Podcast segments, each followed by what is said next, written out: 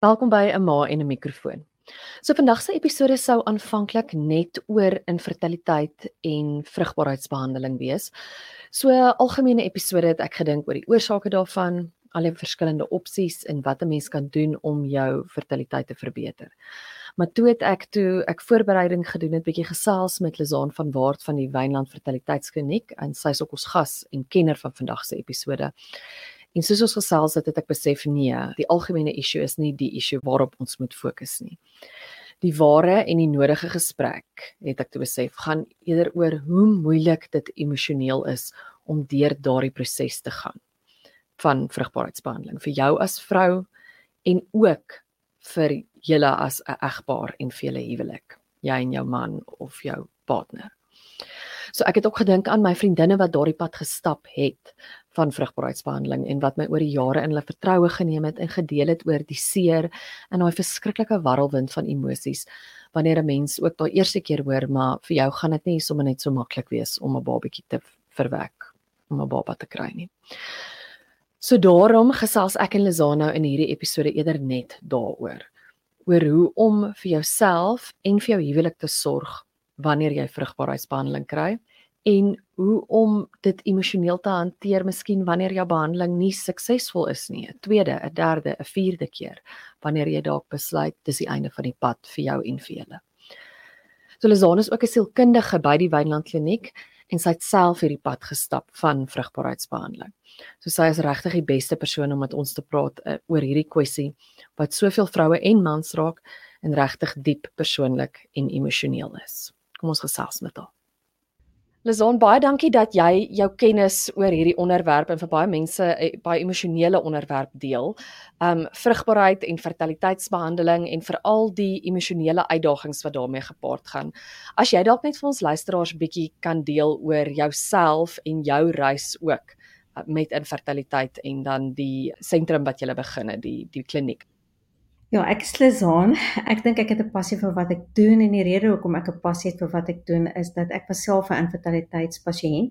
Ek het 10 jaar tussen my kinders gesukkel om swanger te raak. In daai tydperk is ek gediagnoseer met tering van die uterus en ek het drie abnormale babatjies of miskrame gehad wat 'n geweldige groot psigiese impak op my gehad het en ek dink ook spesifiek op ons verhouding, my my man wat 'n ginekoloog is. En dan daarna my laaste kind is toe na my derde gift gebore. Daai jaar het ons spesifiek meer gifts gedoen en het ek regtig intense behoefte gehad omdat daai jare nie spesifiek onder sielkundige ondersteuning vir hierdie pasiënte was het ek 'n intense behoefte gehad om meer navorsing hieroor te doen en my passie is om hierdie pasiënte te ondersteun en te help deur die pad van infertiliteit. So dis my agtergrond. So na jy self ervaar het met ander woorde eintlik hoe uitdagende of alleenpad dit kan wees, het jy toe nou eintlik jou hele loopbaan daaraan toegewy om dit vir ander vroue makliker te maak. Dis korrek. Ek het so ek was aanvanklik op opvoedkundige sielkundige gedoen, later het ek teruggegaan universiteit toe en kliniese waneers gedoen en ek het toe my M spesifiek met my teses gefokus op die sielkundige aspekte van die infertiliteitspasiënte. So dit was 'n groot studie. Uit daai studie uit het kon ek vir myself beter verstaan het wat het met my gebeur en natuurlik ook ons pasiënte beter verstaan om hulle te kan ondersteun. So dit is dan presies wat ek elke dag doen hier in die praktyk. Jy het spesifiek ook gepraat van jou en jou man se uitdagings en selfs dat hy 'n ginekoloog is met ander woorde iemand wat ervaring en kennis het van hierdie. Maar soos jy ook sê die die emosionele aspek is 'n heel ander uitdaging. Ons gaan praat oor 'n ma self en hoe sy deur fertiliteitsbehandeling kan werk, maar as jy dalk ook net iets kan sê oor paartjies en egpare en hoekom dit 'n uitdagende ding is vir enige verhouding om saam deur dit te gaan. Wat het jy oor die jare gesien? Wat is wat is van die tipe uitdagings en sukkelverhoudings om te oorleef met vrugbaarheidsbehandeling? Ja, ek dink verseker mense moet onthou dat dit is dis 'n koppel wat hier um, deur 'n behandelingsplan gaan. Vroeger jare het ons baie keer net die vrou gesien, maar deesdae is dit belangrik om die man en die vrou van die begin af saam te sien, want dit het 'n effek op die verhouding. Gewoonlik sê wêreldstatistiek vir ons 1 uit 2 van ons huwelike maak dit nie. En die rede daarvoor is is sodra jy gediagnoseer word met infertiliteit, is daar 'n grieving proses waar jy deurgaan, 'n rouproses. Dit is 'n vir 'n ma of 'n vrou 'n kind, letterlik 'n kind wat sy nie kan hê nie. Dis nie net dat ek nie kan swanger raak of 'n baba wat ek verloor nie. Dit is hierdie kind in haar geestestoestand wat sy dan nou spesifiek nie het nie. So dis dan 'n rouproses daaroor vir mans wat bietjie op 'n ander aspek rou. Hulle sien hulle kinders baie meer as 'n legacy. En as mens nie hierdie koppels van die begin af ondervang nie, kan hulle uitmekaar uitgroei. Ons sien dit baie keer in gewone koppels waar 'n kind oorlede is wat 'n sterk verhouding gehad het, hoe jy baie keer sien dat in so 'n geval die verhouding dan opgebreek is en die koppel baie keer daarna skei. So ek sit dan met die koppel gewoonlik en ek verduidelik vir hulle wat is grieving. Grieving het verskillende fases waardeur jy gaan. Die eerste een is dat jy is totaal verbaas. Jy kan nie glo dit met jou gebeur nie. Jy's jy's onseker oor jou pad vorentoe. Dan is daar ook 'n fase wat 'n mens kwaad is. Jy kan aggressief wees teenoor jou dokters of teenoor die wêreld of party mense teenoor die Here spesifiek dan. En dan is daar 'n fase wat jy intense depressie ervaar, neerslagtigheid waar jy daaronder draai. En natuurlik ook as jy primorbid, soos ons altyd sê, reeds met depressie gediagnoseer is voor die behandelingsplan, dan kan dit nogal redelik erg vir hierdie koppels wees of hierdie spesifieke pasiënt. En dan die laaste fase is waar jy nou nou besef maar okay, ek moet bietjie closer kry oor ek moet my greep daarop kry en ek moet 'n plan hê of 'n problem solving plan hê om by pad vorentoe te gaan. Nou mats rou op 'n ander manier. Hulle is baie meer probleemoplossend georiënteerd. So hulle wil graag ietsie fix, as ek nou die Engelse woord kan gebruik, en dit is hoekom hulle baie keer meer vashaak aan 'n tweede fase van die rouproses, want hulle is frustreerd en magteloos, want hulle kan dan nie hierdie probleem oplos nie. En dan wat gebeur is hulle onttrek geleidelik van die verhouding. Vrouens weer aan die ander kant, ons is mos nou maar praters, ons wil nie altyd 'n antwoord hê nie. En ons raak dan op die ouend obsessive compulsive daaroor. Dit raak jou hele eindbestemming. Dis wat jy in die oggend doen en dink, dis wat jy in die middag doen en dink en in die aand. So infertiliteit kan dan vir 'n vrou spesifiek nogal ek sê so infiltreer in alle fasette van haar lewe. Jy weet, sien hierdie verhouding, jy kan die werk en as haar kinders ook is by die kinders ook. So ek sê altyd vir vrouens onthou nou net jy kan nie vir 'n man vra om gewoonlik heel eerste ding is maar dan moet ons nou seksueel verkeer morning doen en night vir mans kan jy dit nie. Hulle kan dit nie so doen nie. Dis vir hulle baie moeilik. As jy vir 'n man op die hotspot sit en te sê nou moet ons die tyd is reg, ons moet dit nou doen. Al is daai ou is stoetpil, dan sukkel dit maar. So Dis dan ook dat ons kry dat seksuele verhoudings tussen die koppel ook relatief swaar kry en miskien ook 'n groot bydraende faktor het hoekom hierdie koppels dan op die ouens skei. Ek sê altyd mense kan nie net 'n verhouding op seksuele intimiteit bou nie. Daar's verskillende forme van intimiteit. Dit kan emosionele intimiteit wees of intellektuele intimiteit, maar die seksuele intimiteit is ek sê altyd soos die cherry op die koek, dit moet daar wees. En ek verduidelik ook vir die koppels onthou vir 'n vrou is seksuele intimiteit die closeness wat ek met my partner kan wees. So ons hoef nie altyd daai desire en arousal tipe fase te hê nie, maar dit is dan vir my die nabyheidste wat ek met my maat kan wees. Vir mans is dit bietjie anderste. Mm -hmm. En daarom is dit ook belangrik om dit verstaan dat as hierdie seksuele intimiteit begin sukkel, dan spat die verhouding maar uitmekaar uit.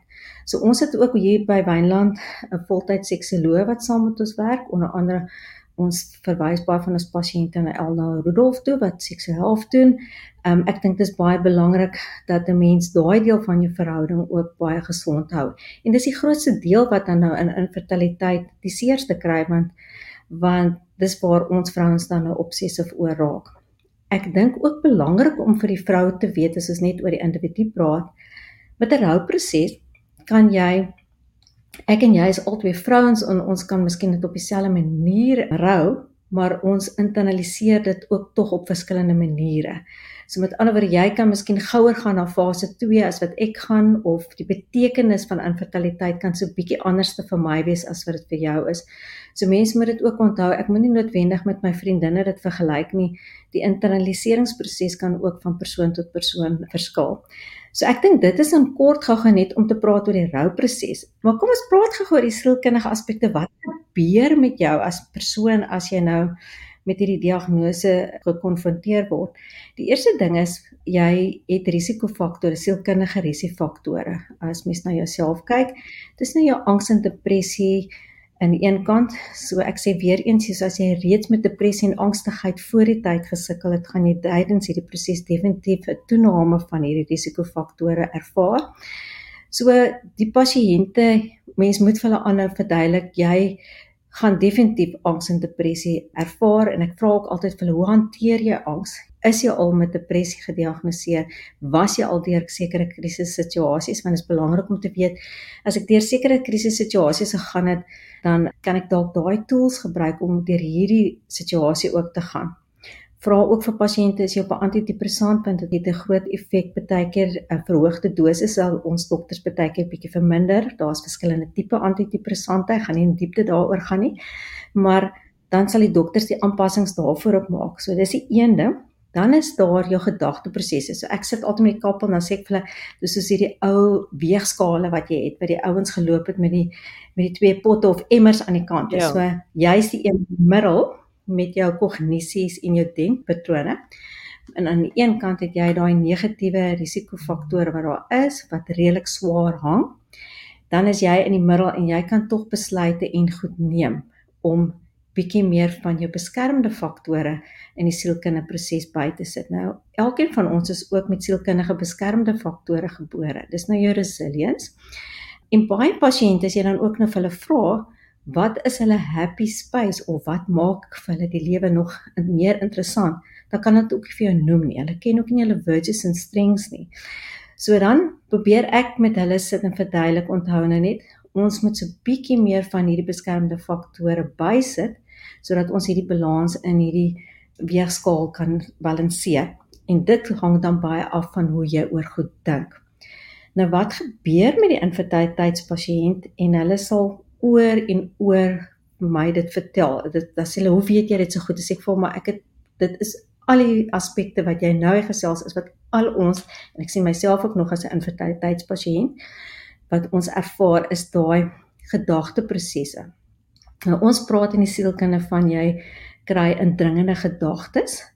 Met ander woorde, jy sal met 'n gedagte gaan omgaan die hele dag. Hy kan miskien van nêrens afkom en ewe skielik maal daai gedagte in jou kop die hele tyd.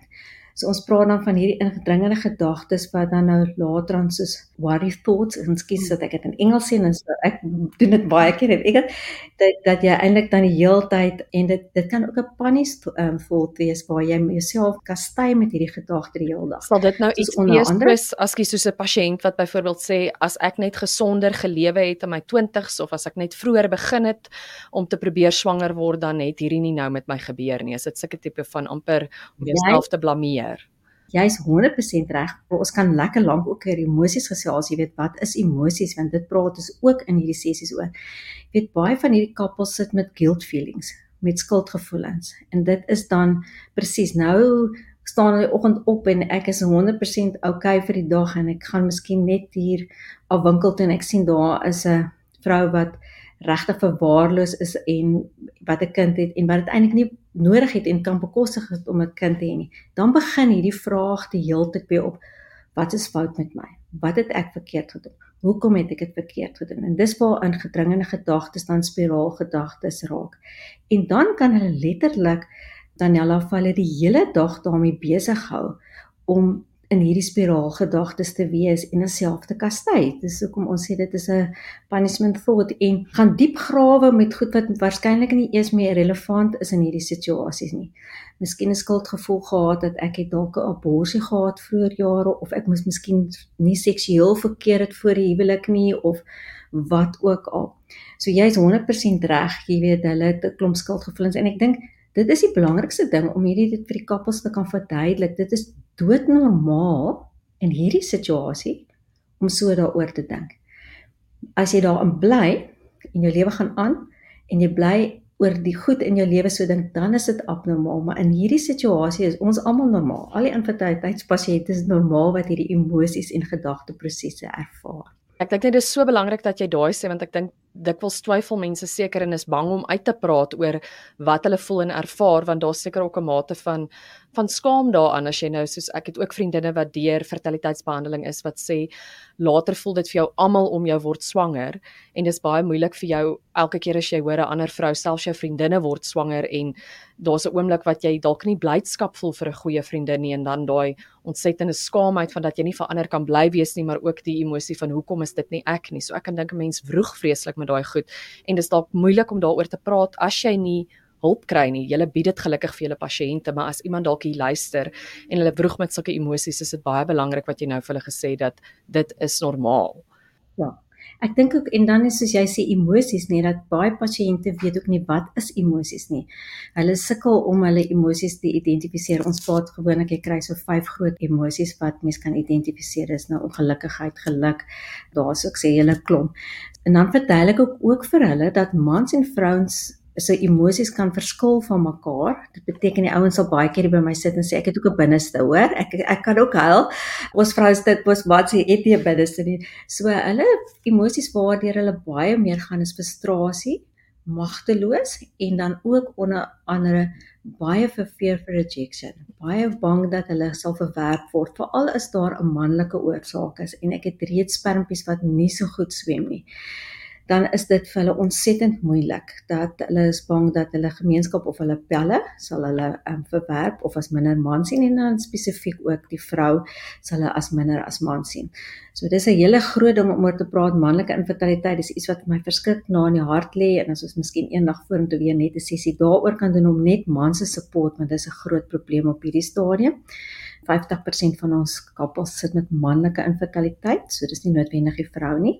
Dan aan die ander kant weer vir vrouens is presies soos wat jy gesê het, is meer daai stigma, ek is skaam daaroor, jy weet ek voel hulpeloos, heilerig en meer daai tipe van emosies. En weer eens dan dink ons my man moet soos ek voel en ek moet soos hy voel, maar ek sê altyd onthou jy mag voel soos wat jy voel. Jou gevoelens behoort aan jou. Niemand kan dit van jou af wegvat nie.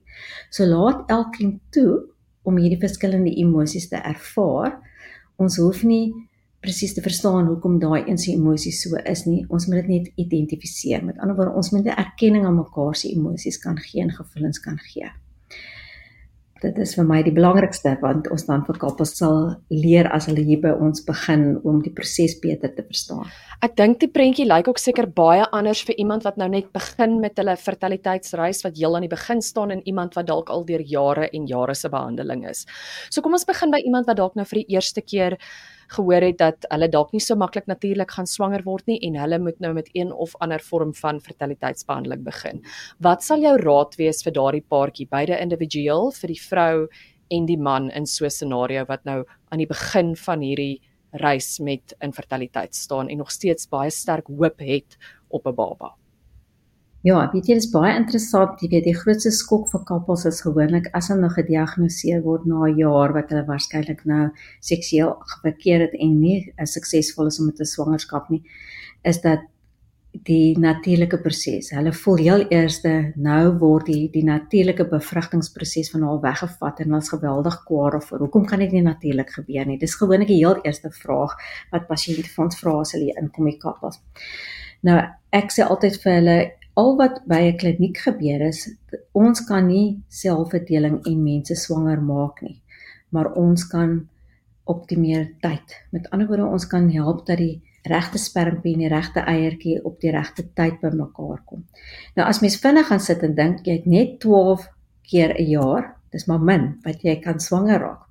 So en dis ook nie 12 keer optimale kanse nie want ons is nie altyd elke maand in die kol nie en as ook nie elke maand 'n eiertjie wat oorleer nie. So wat is die eerste ding is as 'n koppel is dat dit vir hulle te verduidelik en dan die tweede ding is om so gou as moontlik die basiese ondersoeke te kry. Die basiese ondersoeke is 'n paar bloedtoetse, is jou pap smeer, is jou infeksie siektes. Ons kyk na 'n bloedtoets wat ons noem AMH. Dit is die anti malaria hormoon wat ons nou spesifiek kyk hoeveel follicles is daar nog in jou leeftyd oor. Dit sê nie vir jou hoe goed die kwaliteit van daai ertjies is nie sê ook nie vir jou wanneer daai ertjies sal gaan nie maar dit gee vir ons 'n indikasie van jy is nog redelik vrugbaar en natuurlik aan die ander kant is die mans wat dan vir hulle spermtoets moet kom en ook onder andere vir sekere bloedtoetse en infeksietoetse. En ek dink van die begin af want ons sien baie keer 'n koppel sal vir jaar lank sukkel en dan dan is die spermtoets nooit gedoen nie en dan dan het hulle eintlik verniet probeer want daar's waarskynlik dan 'n spermprobleem. So die eerste behandelingsplan wat 'n ou kan doen is dan nou die tuisplanne. So daar help ons hulle net time to intercourse met ander woorde ons doen bloedtoetse en ons kyk spesifiek watter tyd van die maand hulle ovuleer en dan moet hulle laat waai. Ek sê altyd jou huiswerk doen. Probeer maar kreatief wees met die seksuele aktiwiteite want jy weet mos nou mans gaan onttrek as ons vir hulle almekaar sê dit moet nou morning noon and night wees. So dis die eerste ding. Dit doen ons gewoonlik so 6 maande. En dit is gewoonlik vir koppels wat jongerig is. As jy al 38 is, dan gaan ons definitief nie vir jou vir 6 maande dalk daar op daai spesifieke plan sit nie. Dan die tweede plan is ons kunsmatige inseminasie. Dit is wat ons dan nou die spermpies gaan uitwas en ons gaan ook toe 'n um, intercourse of uh, ovulasie tydperk um, evalueer en ons gaan met daai spermpies deur 'n kateter in die uterus dit dan nou vrylaat nadat ons 'n trigger inspuiting gegee het wat hierdie eiertjies dan nou laat vrylaat en weer eens om te kyk dat ons in die kol is. So dis kunsmatige inseminasie. Dit doen ons gewoonlik so 3 keer, want dit het maar net 'n 10 tot 15% kans op suksesryk. En dan is die laaste behandelingsplan is die IVF in vitro fertilization treatment plan waarvoor pasiënte verskriklik bang is, maar eintlik is dit jou mees suksesvolste een. Is jy meer diereplan, maar as jy 35 jaar en onder is, ewe skielik gaan jou sukses kan dit opgaan tot 45 tot 55% suksesrate teenoor jou 10-15% op jou kunsmatige inseminasie. Sommige net in dieselfde asem daar, die een wat sielkundig die moeilikste vir die koppel is om te hanteer, is die tuisplan. Wie dis die onsekerheid van ek weet nie of ek geovuleer het nie. Ek weet nie hierdie spermpie sy ding gedoen nie. Nou as jy bietjie kyk na onsekerheid, as ons nou kyk in COVID tyd, dit is hoekom mental health so toegeneem het in COVID tyd want onsekerheid, jy weet, onsekerheid lei tot angs en angs lei tot vrees en vrees lei op die ou end tot paniek disorders. En dis presies wat met hierdie pasiënte dan nou gebeur as jy hulle te lank tydperk op hierdie tuisplanne hou. So hulle kom hier redelik angstig en verrinne weer al by ons aan. Waarby IVF dit makliker psigies vir die koppel is want die bevrugtingsproses is buite die liggaam. Onthou vrou voel die heeltyd haar liggaam verraai haar. Jy weet my kop sê een ding, maar hy doen mos nou nie wat ek van hom verwag nie of hy kan nie die basiese goed doen wat ons wil hê hy moet doen nie. So dit is moeilik dan om swanger te raak as jy hierdie body mind diskonneksie het eintlik. En daarom is die gedagteprosesse so belangrik. So Psigies is dit makliker vir hulle want hulle kry antwoorde. Ons kan sien hoe lyk die kwaliteit van die eiertjies, ons kan sien hoe lyk die kwaliteit van die spermpies. Ons kan die beste bymekaar sien. Ons gaan weet of daar bevrugting plaasvind en dan sal ons natuurlik weer die uterus voorberei om op die regte tyd daai terugplasing te kan doen. So dis klein bietjie makliker psigies vir hulle want ek kry meer duidelike antwoorde. Ek verstaan so 'n bietjie meer van die mediese kant wat in my liggaam gebeur en hoekom ek dalk nie swanger is nie. Jy het genoem van die vreeslike hoë egskeidingskoers ongelukkig wat baie mense het wanneer hulle deur vrugbaarheidsbehandeling gaan. So as iemand nou weet hulle is of in die middel hiervan of dit lê voor hulle deur, hulle gaan binnekort daarmee begin en hulle is baie bekommerd dat hulle huwelik ook die slagoffer van dit sal wees. Wat kan hulle doen om derentyd aan hulle huwelik te bou? Dit sterker te maak om te probeer voorkom dat hierdie gebeur. Ek sal aanneem kommunikasie is verskriklik belangrik, maar het jy nog wenke? Ja, verskriklik belangrik. Ek sê altyd vir julle as jy al by 'n lewenscoach of sielkundige is, is gaan in hierdie tyd jy het regtig 'n plek nodig, jy weet, bly vir 'n lang tydperk om hierdie hierdie aspekte te deur te kan gesels. Ek sê altyd vir hulle, ek self hou baie van die ek noem dit sommer die boksetourisiese stelsel Dit is basies waar jy al jou fasette van jou lewe in sulke bokse identifiseer. Met ander woorde, my infertiliteit is 'n boksie, my werk is 'n boksie, my verhouding is 'n boksie en my oefening is 'n boksie of wat ook al. En dat mens net 'n sekere tyd van die dag jy mag met jou infertiliteit situasie omgaan en jy klim letterlik in daai boks Maar dan moet jy jouself letterlik forceer om na die ander fasette van jou lewe ook te kan kyk want you have to live infertility. Jy kan nie ophou lewe nie. Daar's ander goed wat ook moet aangaan en dit is die moeilikste ding vir hierdie koppels is om daai transisies te doen nie.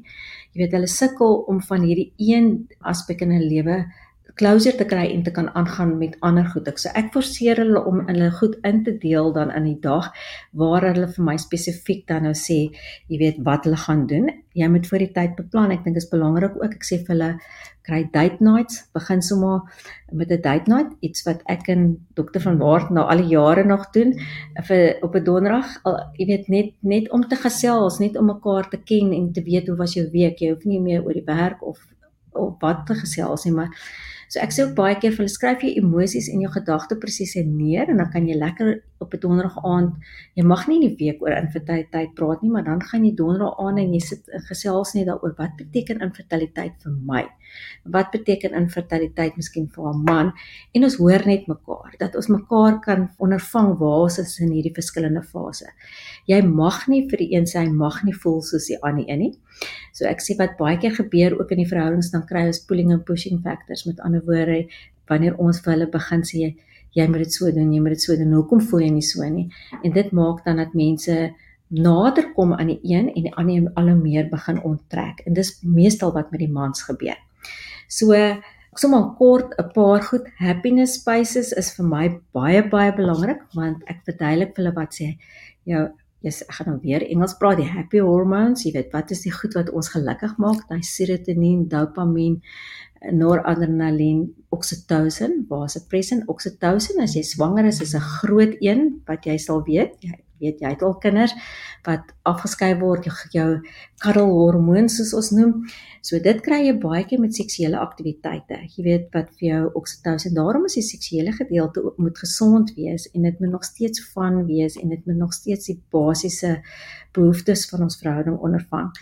Ek kan glo vir baie vroue is dit 'n uitdaging omdat jy nou nie natuurlik kon swanger word nie om nou nog steeds seks te kan geniet al is jy besig met dalk IVF of so iets maar dit is dan iets seker wat jy bewuslik moet prioritiseer al is jy dalk nie noodwendig lus daarvoor nie om werklik 'n punt daarvan te maak om jou huwelik gesond te hou. Jy is 100% reg, jy weet dit raak soos werk later aan. So ek sê dit is huiswerk. Jy weet jy dit jy doen dit maar net omdat ek moet dit doen want dit is een van die meganismes om dan nou vir my te kan swanger kry. So ek forceer hulle om weer terug te gaan na hoekom het ons by mekaar gekom? Wat was lekker vir ons daai tyd en ek sê sit so 'n bietjie humor in in die verhouding in en besluit doelbewus om dit te doen. Jy weet, kom so 'n bietjie uit jou comfort zone en ek sê altyd 'n verhouding is mos maar soos 'n dans sê ons altyd in sielkunde. As 'n mens op mekaar se tone begin trap, dan moet een van die ander in hierdie dans mos nou 'n nuwe dans begin.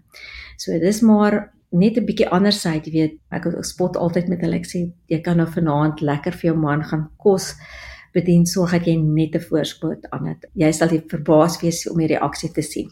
So dis maar net 'n bietjie humor daarin te bring om net te sê kom so 'n bietjie uit jou comfort zone want dit is so belangrik. So uh, om terug te kom, ek so forceer hulle spesifiek dan om na die happy hormones te gaan, jy weet dit is soos musiek luister, lees, oefening doen. Baie van hulle doen nie meer oefening nie want hulle is te bang die oefening gaan hulle kans op swangerskap versleg. Hou heeltemal op met koffie drink, nie meer as 2 koppies koffie se dag nie, miskien net een, maar dis nie nodig dat jy heeltemal ekstreem gaan en net niks doen nie. Baie van hulle raak letterlik staties in hulle verhoudings en goeters want hulle is te bang hulle doen iets verkeerd en dis dan die rede hoekom hulle nie swanger raak nie. En wat is die feitelike aspekte rondom daardie van die oefening wat jy gesê het? Steek daar enige waarheid daarin? My logika sê vir my as jy oefen, is jy eintlik in 'n beter mind space wat tog seker eintlik moet help om meer ontvanklik te wees vir die behandeling. Jy is 100% reg. Jou oefening gee mos nou maar jou dopamien, serotonien vrylatings en goed reg eet ook ons sê altyd nothing beat lifestyle. Dit is die grootste wagwoord vir infertiliteit. Dit wat jy eet is wat jou kwaliteit van jou eiertjies en jou spermpies gaan wees. Gesonde leefwyse teruggaan na die basiese goed wat belangrik is. Oefening noodsaaklik. Ek sê nie jy moet 'n maraton gaan hardloop nie.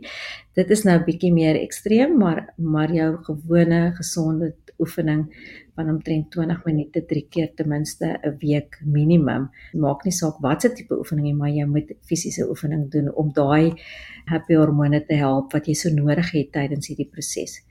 Onthou net ons medikasie se neeweffekte is ook simptome van angs en depressie. Dis net die medikasie wat ons moet gee om hulle bietjie meer te stimuleer om haar eiertjies te laat groei. So jy kan nou dink as jy soos 'n snaar styf gespan is en jy oefen glad nie en ek sit nou nog hierdie medikasie, die dokter sit nog hierdie medikasie by, waar gaan hierdie pasiënt op die ou en draai? So dit is hoekom oefening is uiters uiters belangrik. En dan dit is nou baie keer mense wat nou aan die begin van hierdie pad is, is on, maar dan is daar ook mense wat al deur hoeveel rondes is en wat dalk aan die einde van hulle fertiliteitsreis staan. Ek sal nooit vergeet 'n vriendin van my wat vertel het na soveel rondes van IVF as sy moet wag vir daai oproep van die kliniek en sy sien op haar foon dis hulle wat haar bel, die verskriklike vrees dat sy amper nie kans of krag het om te antwoord nie want sy is so bang dit is weer slegte nuus. So vir iemand wat op aan die einde van so 'n pad staan en net nooit swanger word nie. Hoe hanteer 'n mens dit? Ek kan dink dit dit moet 'n verskriklike moeilike ding wees om vrede te maak dat jy dalk nou nie jou eie kind gaan hê nie. Het jy enige raad vir iemand wat in daai ontsettende moeilike situasie is? Vir my is dit een van die belangrikste sessies want as jy hierdie sessie neem met jou koppels het nie, sê ek altyd kan jy verhouding vir altyd skaar en is persoon ook want hulle moet nog die res van hulle lewe met hierdie leemte aangaan. So ons noem dit 'n closure sessie jy moet daai sessie, ek dink die Afrikaanse woord is ontsluitingssessie waar jy spesifiek dan nou deur hierdie rouprosesse praat en dit dit besef dis die einde dalk van my biologiese pad. Daar's ander forme wat ek aan kinders hê. Ek kan dan dalk 'n donor eiertjie dan aanneem en dan praat ons baie oor die betekenis van van ma wees. Is genetiese materiaal die e-, enigste ding om 'n familie te bou of is daar meer? Wat is die betekenis wil ek net 'n ma wees? Ek kan nog steeds 'n baba dra. Maar vir enige vrou om die waarheid te sê, As jy menopausaal raak, ons gaan almal menopausaal of premenopausaal raak, is dit 'n groot uitdaging en 'n groot risiko vir depressie en angstigheid tydens daai tydperk van jou lewe. Want dit is 'n hormonale verandering. Jy weet ja, hormone is bietjie anderste as wat dit was in jou jeugdigheid.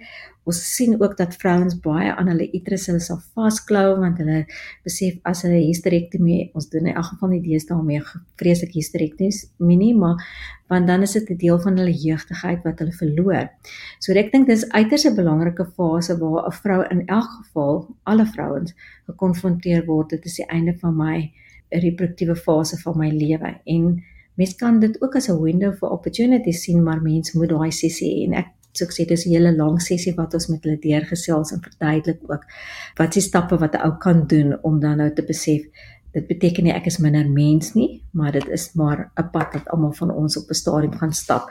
Ek is dalk kinderloos maar daar's ander vorms van wat mens kan kry om dan nou daai behoeftes te vervul soos ek sê dalk met donorgesinne of wat ook al die toekoms hulle inhou Ek is bly jy het van die ehm um, skenkers en eierselle ook gepraat. Ek dink ons sal beslis 'n volgende episode net oor dit ook doen, want dit is ook so 'n belangrike aspek en en vir baie mense soos jy sê die tweede en 'n baie keer 'n baie positiewe aspek van hulle reis. So sal daaroor ook praat. Dis dan baie dankie. Ons tyd is amper op. Het jy dalk enige laaste woorde vir al die mammas wat hier luister wat of al deur die fertiliteitsreis is of wat nou aan die begin staan of dalk in die middel van hulle IVF? Reis hulle self bevind en en een of ander emosionele uitdaging. Wat is jou woorde van hoop en raad vir hulle? Daar is regtig baie hoop. Deesdae kan ons baie doen vir koppels om hulle te help swanger kry. Kom betyds by die infertiliteitskliniek uit. Ander aspek is ook as jy 'n vriendin van so 'n uh, koppel is, onthou net boundaries is 'n geweldige belangrike ding. Wees versigtig om te sê te vra en moet ook nie hulle uitsluit nie. Dis die ander groot ding van mammas wat reeds swanger is. Hulle voel skuldig daaroor omdat my vriendin nie swanger is en dan begin hulle uitsluit. Moet dit nie doen nie. Asseblief gee hulle die kans en die reg om self te besluit. Onthou hierdie pasiënte voel dat hulle nie beheer oor hulle lewe nie. So gee vir hulle beheer terug dat hulle self daai boundary kan self sê ek sal besluit of ek na hierdie tee of verjaarsdag gaan kom, maar ek self wil dan ten minste besluit. Maar in kort kom so gou as moontlik by die kliniek uit. Ons kan baie doen. Ons sien deesdae reaktief pasiënte wees proaktief. Dis vir my absoluut die buzzword want ons sien te veel pasiënte wat te laat by ons kom. Moenie skaam wees nie. Kom vir hulp. Hier is hulp vir julle. Baie dankie. So goeie opsomming en wat jy sê, mense moenie bang of skaam wees nie en uitreik en iemand gaan sien as hulle daardie hulp nodig het. Baie dankie vir jou tyd, Lisa. Wonderlik. Bye bye. Dankie dat jy saam geluister het. Ek hoop regtig Lizaan se woorde het vir jou iets beteken en dat jy veral sal weet as jy nie oukei okay is nie, dat dit oukei okay is. Dat dit met ander woorde oukei okay is om nie oukei okay te wees nie. En meer nog, dat dit belangrik is om uit te reik vir hulp en jy nie daaroor hoef skaam te kry of enigsins sleg te voel as vrugbaarheidsbehandeling en daai pad vir jou nie noodwendig net 'n maklike een is om te stap nie as jy die uitdagings erken en daarmee deel. As daar nog onderwerpe is waaroor jy meer wil hoor, laat weet my asseblief. So tot ons volgende keer en ons volgende keer gesels in ons volgende episode. Totsiens.